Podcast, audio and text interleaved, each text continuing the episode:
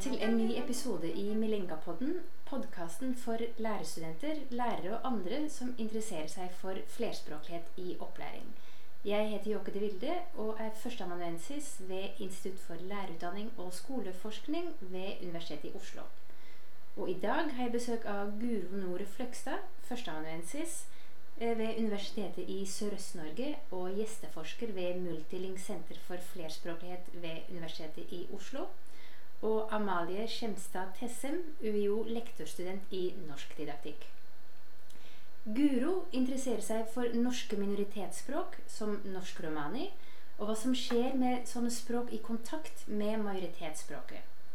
Hun deltar i prosjektet Romani Languages, Language Repertoires in an Open World, som ledes av Södertörn universitetet i Sverige.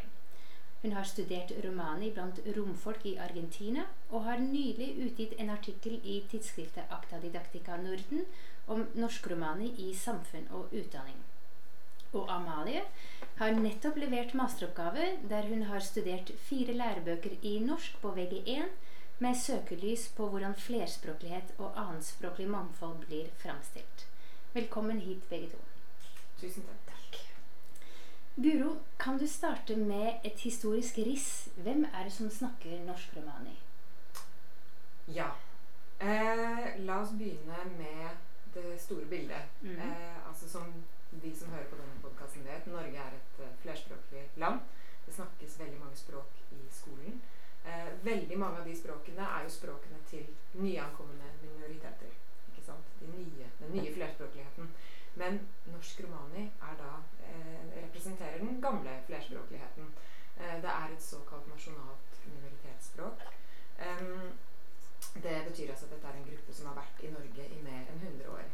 Em, denne gruppa spesifikt eh, er da, har på en måte alltid vært preget av en litt sånn ekstra myte, hatt en litt sånn ekstra spesielt myteomspunnet status nærmest. Litt da fordi, av mange ting, men annet fordi språket disse eh, folka tradisjonelt har snakket også i dag snakker, har skilt seg veldig fra de språkene vi, vi var vant med at man kunne snakke i Norge. Eh, og det var ikke før på 1700-1800-tallet at man faktisk forsto at dette er en gruppe som da opprinnelig kom fra India. Fra Nord-India. Eh, så de som i dag finnes i store deler av verden, majoriteten da i Europa og i Amerika, både nord og sør, um, de utvandret da fra India for ja, Det begynte vel for om lag 1000 år siden ca. Fra Nord-India. Så har det vært mange forskjellige på en måte migrasjoner gjennom Europa, også til Amerika. De som vi snakker om når vi snakker om uh, tatere eller romanifolk i Norge i dag, de ankom Norge for ca. 500 år siden. Sannsynligvis gjennom Sverige. Det er litt usikkerhet knyttet til akkurat det.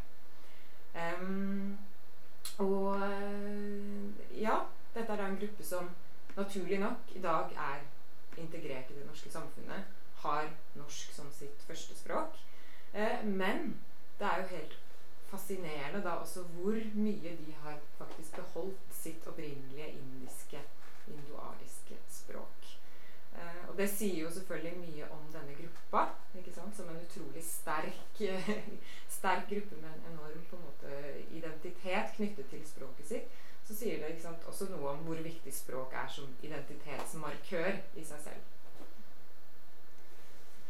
Hvordan ble du interessert i tematikken? Eh, faktisk ved en tilfeldighet. Jeg var akkurat ferdig med masteren min, sånn som du er nå, Amalie, og, og hadde skrevet om spansk i Latin-Amerika. Men så var det et prosjekt her ved Universitetet i Oslo, et eh, NFR, altså forskningsrådsfinansiert prosjekt ledet av Klaus Peter Soller, som er professor i indologi ved ILOS. Eh, ja, som Unnskyld, IKOS, beklager. Som, eh, som da trengte en vitenskapelig assistent til å være med og samle inn data og skrive artikler. Så da fikk jeg dra på tidenes, tidenes feltarbeid til Nord-India og også i Norge og Sverige. Og fikk da privilegiet å treffe utrolig, utrolig mange, mange folk. Og ble invitert hjem i mange hjem og ble kjent da med på en måte språket da primært. Og så var det jo primært det på en måte språkkontaktelementet som interesserte meg. da. Etter det så har jeg fortsatt å studere det litt av og på. Eh, og som du nevnte innledningsvis, så er jeg nå med på et prosjekt ledet via Södertörn universitet i Sverige. Et stort internasjonalt prosjekt med forskere i flere land. Eh, jeg jobber primært med de som holder til i Paris. Og der er det da en gruppe som forsker på romani i Latin-Amerika. Eh, og det er nesten et helt Altså det er, det er et felt vi ikke vet noen ting om, nesten. Det bor i Argentina alene 300 000 romer. I Brasil nesten en million. Eh, og det finnes nesten ingen forskning på disse, disse verken språkene eller litt mer på, på folkene. Veldig lite på språkene.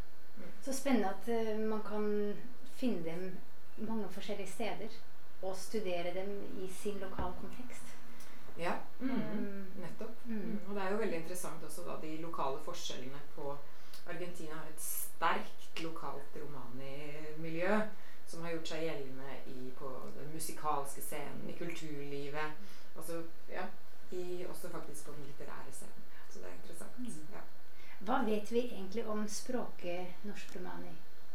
Ja, det er jo et, et, et, godt spørsmål. Det er jo et spørsmål som selvfølgelig primært bør besvares av de som snakker det selv. Og det har de jo også til en viss grad uh, gjort. Altså det er en rapport, som kom, en NOU, som kom for et par år siden, som heter 'Assimilering og motstand', som ble skrevet i tett samarbeid med nettopp da representanter fra, dette var da fra, fra en av disse foreningene, de som kaller seg Taternes Landsforening. Um, det fins en doktorgrad som nylig kom ut her ved UiO, av Jakob Wiener, som også er skrevet med, med grundig datamateriale i bånn. Um, det, det, vi vet om romani-varieteter rundt om i verden, er at vi kan på en måte skille mellom det som er det man kaller the inflected romani, eller på en måte den opprinnelige, den fullblods romani. da, som er den som, som, som, har blitt mindre påvirket kan man si, av majoritetsspråket. Men som skjer med alle språk i kontakt med et majoritetsspråk, også romani, eh, så har det da skjedd en, en, en stor språk Altså det, et, det, har resultert i en helt spesiell på en måte, språkblanding, da. Dette møtet mellom romani og majoritetsspråkene. Um, det fins eh, sånne blandingsspråk i England, det fins i Spania, det fins i Finland, det fins i Sverige. Og det fins da også i Norge. Eh, og det som er spesielt, er at eh, etter så mange hundre år så har da denne varieteten beholdt romani-ordene, men bruker da den norske grammatikken primært. Mm. Hmm. Um, du var inne på det med den uh, rapporten med um, assimilering. Mm -hmm. um, de har vel også vært utsatt for en fornorskingspolitikk, uh, som samer og kvener. hva vet vi om det? Uh, og hvordan de forholder seg til en revitalisering? Mm. eller det å ja ta i bruk eh, språket på nye måter? Eh, det første først. Altså ja. Det, det har, dette er en gruppe som har vært gjenstand for en helt forferdelig assimileringspolitikk fra den norske stat. Um, og vært gjenstand for alt fra splittelse av familier, slekter, til sterilisering av både kvinner og menn eh, i flere titalls, kanskje hundretalls mennesker, som det skjedde med for ikke lenge siden. Eh, så den politikken og de overgrepene disse folka har vært gjenstand for, har vært helt forferdelige og ekstreme. Og det har jo da resultert i bl.a. en frykt for å bruke eget språk. ikke sant?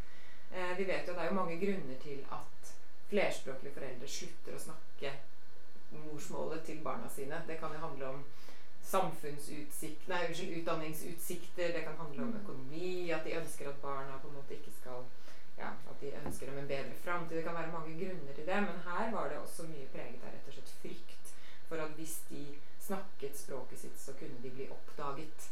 Og så kunne de da bli tatt, eller ungene kunne bli tatt fra dem, f.eks. Eh, så det er det veldig mange som forteller om. Og det har vært en, en ja. Eh, som da også har gjort at nå, som på en måte det er en, en viss sånn styrket de, de, har en sterkere rolle, kan man si, i det norske samfunnet så er det også en sterkere revitaliseringsprosess som er pågående.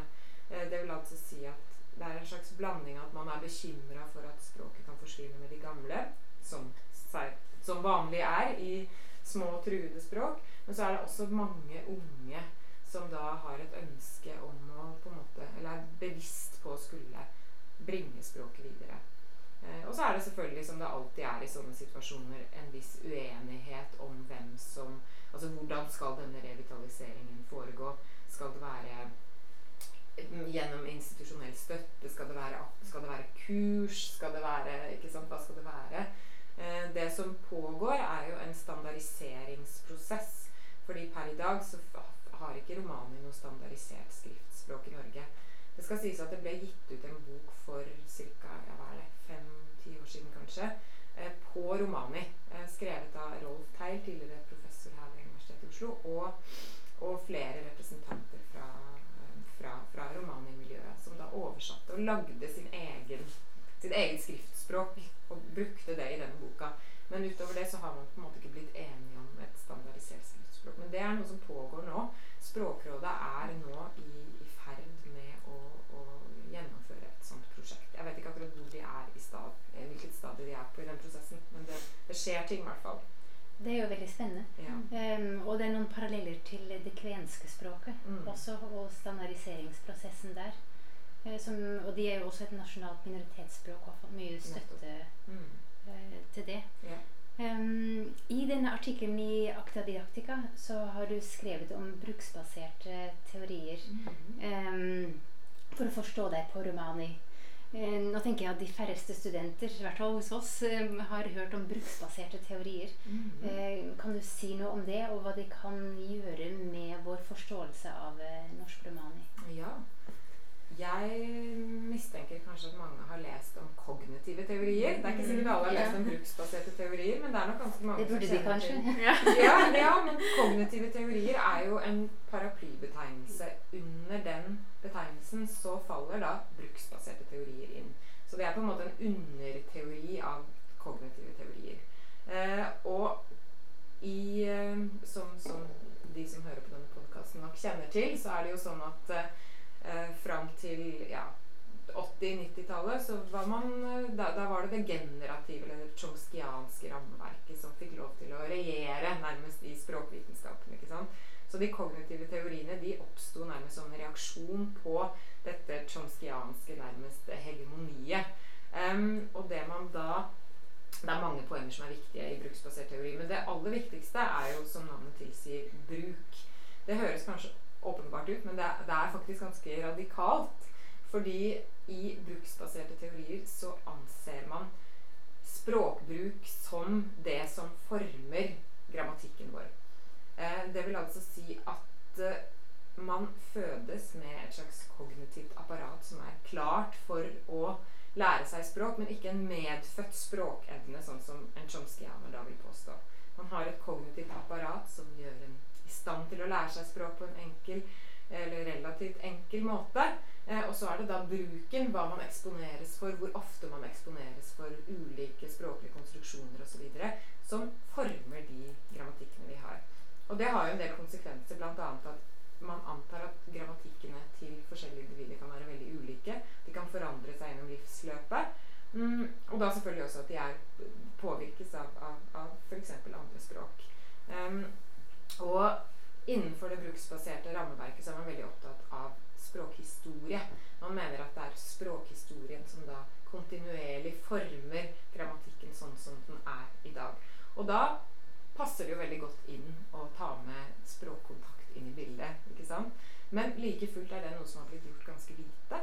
Det er nok litt fordi at det har vært en rådende på en måte enspråk, et enspråklig fokus i store deler av lingvistikken, også den kognitive lingvistikken.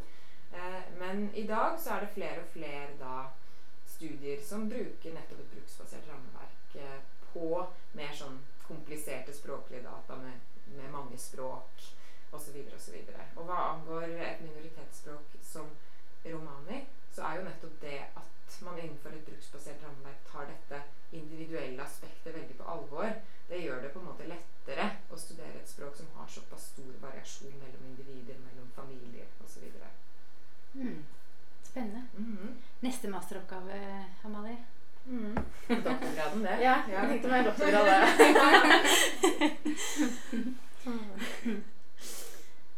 um, skal vi se um, Hvis vi nå går over til um, taterne eller romanifolket i utdanningssystemet Ehm, Du var allerede inne på det at de fleste uh, tatere har norsk som førstespråk. Um, hvordan er det med rettigheter i lovverket til elever som ehm, vil lære mer romani? Det er jo nettopp Da kan man jo nettopp si at problemet i anførselstegn er at de selvfølgelig snakker norsk helt flytende. Fordi da har de dermed ingen rettigheter. Så de stiller på en måte på lik linje med andre språklige Altså andre nyere språklige minoriteter, kan man si. Men de har da f.eks. mindre rettigheter enn f.eks. Kven, kvener og samer. Så de har eh, per i dag ingen, ingen rettigheter til å få noen form for opplæring på språket sitt i norsk skole. Det skiller seg fra Sverige, f.eks., hvor de faktisk har det. Ja, det er jo interessant. Mm. Eh, Både forskjellen med Sverige og at det da eh, har konsekvenser for lærere som får eh, den, el, eh, disse type elevene, eller med den type bakgrunn, i klasserommene sine. Mm. Eh, at de faktisk ikke har spesielle rettigheter til å bruke og utvikle språket. Mm.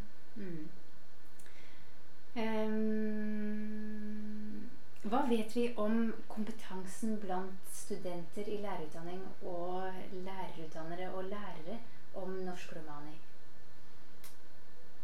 Vi, det vi vet, er at vi, vi ikke vet så veldig mye. Nei, altså det Hvis man skal dømme etter lærebøkene, og der er jo Amalie eksperten her, eh, så er det veldig lite som. I hvert fall med utgangspunkt i de bøkene som brukes mest flittig i lærerutdanningen i Norge. Eh, og da finnes det jo oversikter over hvilke bøker det er. Så jeg har jo gått gjennom da hva de sier om norsk romani, og det er veldig lite. Eller det er veldig, veldig overfladisk, da. Um, så jeg mistenker at, uh, at dessverre at det er ganske liten kompetanse, ganske liten bevissthet. Det kan også ha med å gjøre at veldig mange av de som snakker romani hjemme, ikke har lyst til å snakke det på skolen også. Det er ikke sikkert det er en veldig synlig gruppe i klasserommet heller. ikke sant? Um, så det kan være mange grunner til det. Jeg vet ikke hva din erfaring er, Amalie? Eh, Ut ifra min, mine analyser? Mm. Ja. Nei, eh, jeg ser jo Eller jeg har jo sett mye av det du sier, med at eh, jeg vil tro at forfatterne bruker språk som flere vil kjenne seg igjen i. Mm. At de. At ikke da romani da er et uh, språk man møter i skolen. Eh, eller ja, finner i klasserommet. Så det er kanskje det ja, lærebokforfatterne har tenkt. For det er en av dine Mm. hovedfunn, ikke sant? Ja, absolutt. Det det. Um, hvis vi går til uh, din studie Ja, um, Hvis vi går veldig bredt ut Du har analysert fire læreverk det har jeg. i norsk på VG1. Mm. Hvilke læreverk var det? Moment, appell, grip teksten og intertekst. Ja. De hadde jo nylig gått, eller blitt revidert Ja. etter en ny læreplan, så du fikk Ja. tilgang til kapitlene Det litt før de andre bøkene kom på markedet. Det gjorde jeg. yes. um, hvis du kan oppsummere dine generelle funn, for da har du analysert med blikk for flerspråklighet og språklig mangfold veldig sånn bredt. Mm. Eh, ja, da har jeg eh, tatt, ut, altså, tatt utgangspunkt i fire hovedfunn. Så har jeg både liksom sett på hvordan flerspråklighet og språklig mangfold blir belyst. Altså, da var vi litt liksom, inne på sånn direkte og indirekte fremstilling. Så så jeg også litt på eh, hvordan det ble fremstilt i, i et sånn komparativt, grammatisk komparativt perspektiv. Um, så også på hvordan det ble knyttet til flerspråklig identitet og danning. Og sånn helt overordna med tanke på språkets situasjon og rettigheter i, eh, i samfunnet. Så eh, ja, man, jeg fant jo da ut at eh, det er veldig usynliggjort og utelukket på noen av områdene. Spesielt sånn innenfor grammatikk så er det ikke belyst i det hele tatt. Det var ingen nasjonale minoritetsspråk belyst, ikke sant? Nei, der, der er det bare nyere eh, minoritetsspråk. Så det er jo påfallende i seg selv. Ja, det er det. Mm. Um, og da, det er jo ekstra interessant i en podkast om norsk-romani. Mm. Um, og da vil jeg gjerne kaste ballen tilbake til Guro. Hvis du hadde um, Hvis du kunne bidra til å utvikle læreverkene uh, akkurat med, om norsk romani, hva er det man kunne ta inn? Hva tenker du er viktig for elever å, å vite om språket? Det er jo et godt utgangspunkt for å si veldig mye om språk generelt, ikke sant. Eh, Jeg tror kanskje jeg ville fokusert på på den ene siden dette identitetsaspektet, ikke sant. Eh, Hvor, eh, hvor, hvor sterkt Eller hvor, ja, hvilken funksjon et minoritetsspråk kan ha for en gruppe. Em, det er det ene. Det andre er jo muligheten for å diskutere språkkontakt, som er et fenomen som foregår til enhver tid Mm. i hele verden. Mm. Det gjelder norsk. Det gjelder absolutt alle språk som er i møte med, med andre språk. Eh, og at det vanlige utfallet av språkkontakt er jo at vi bruker ord fra andre språk, sånn som at vi kaller dette en podkast. Mm. Og så kan man ha mer eller mindre på en måte ekstreme utfall. Eh, og da kan man jo si at sånne blandingsspråk som man ser i hele verden, som romani da, eller pararomani-varieteter som de kalles, representerer, det er jo da på en måte et ekstremt utfall av språkkontakt. Og derfor et veldig, veldig interessant sådan. Så er det en annen ting jeg tenker på som er ikke spesifikt språklig, men som er det med også å integrere kunstneriske uttrykk på romani og fra folk som representerer tater eller romanikulturen i Norge. Og det tror jeg er spesielt viktig, kanskje, sånn at på en måte deres f.eks. litterære produksjon eller musikalske produksjon også skal være synlig. Sånn at ikke de utelukkende vil være synlige i lærebøkene som på en måte en, en marginalisert eh, eh, utsatt gruppe. Det er jo f.eks. Uh, altså, De har en rik eh, musikalsk tradisjon i Norge med representanter som jeg vet ikke om dere har hørt om Elias Akselsen bl.a. Um, og også faktisk litterært. Det er en, for eksempel en norsk forfatter som heter Britt Karin Larsen, som har skrevet flere romaner. Det er vel fem romaner fra Finnskogen, fra dette miljøet. Um, for de som er litt sånn eventyrlystne, så finnes det også i Argentina faktisk en ganske sterk eh, litterær tradis tradisjon. Blant annet en, en, eh, en forfatter som heter Jorge Nedic, som, har, eh, som skriver om, om innenfra om romanimiljøet i Argentina. Så det tenker jeg også er viktig. At man tar med seg på en måte den, ja, den, den rikdommen også den, den uh, kulturen representerer. Og det tenker jeg også kan være en interessant eh, masteroppgave. Altså det, det litterære aspektet, det musikalske aspektet. Um, heller, ja, I tillegg selvfølgelig til det rent sånn spesifikt språklige. For i din oppgave, Amalie, så har du jo gått på språkkapitlene. Mm. Eh, men det er klart, man kunne jo like gjerne ha gått til litteraturkapitlene. Ja, det hadde, vært, det hadde jo vært veldig interessant, egentlig, å se på det i lærebøkene. For eh, Jeg mistenker at du ikke hadde funnet så mye. Nei, da er det også et funn. ja, da er det. også et funn, akkurat det. Ja. Ja. Mm. Ja, For i, sånn, I språkkapitlene var det noen eh, uttrykk på andre språk eh, utover det der eh, komparative. Det var ikke mer noen dikt eller um, snakkebobler på andre språk eller Eh, nei, ikke på nasjonale minoritetsspråk, nei. Det var det ikke. Nei. Og da ligger jo veldig mye ansvar på læreren. Ja. Um, å inkludere og elever Mm. fra alle Mm. Men det har jeg også Hva skal jeg si? Det har jeg tenkt en del på etter disse funnene her. At uh, læreren har mye å si for, eh, for hvordan eh, man skal formidle og møte hver enkelt elev med tanke på språk da, og språklig mangfold.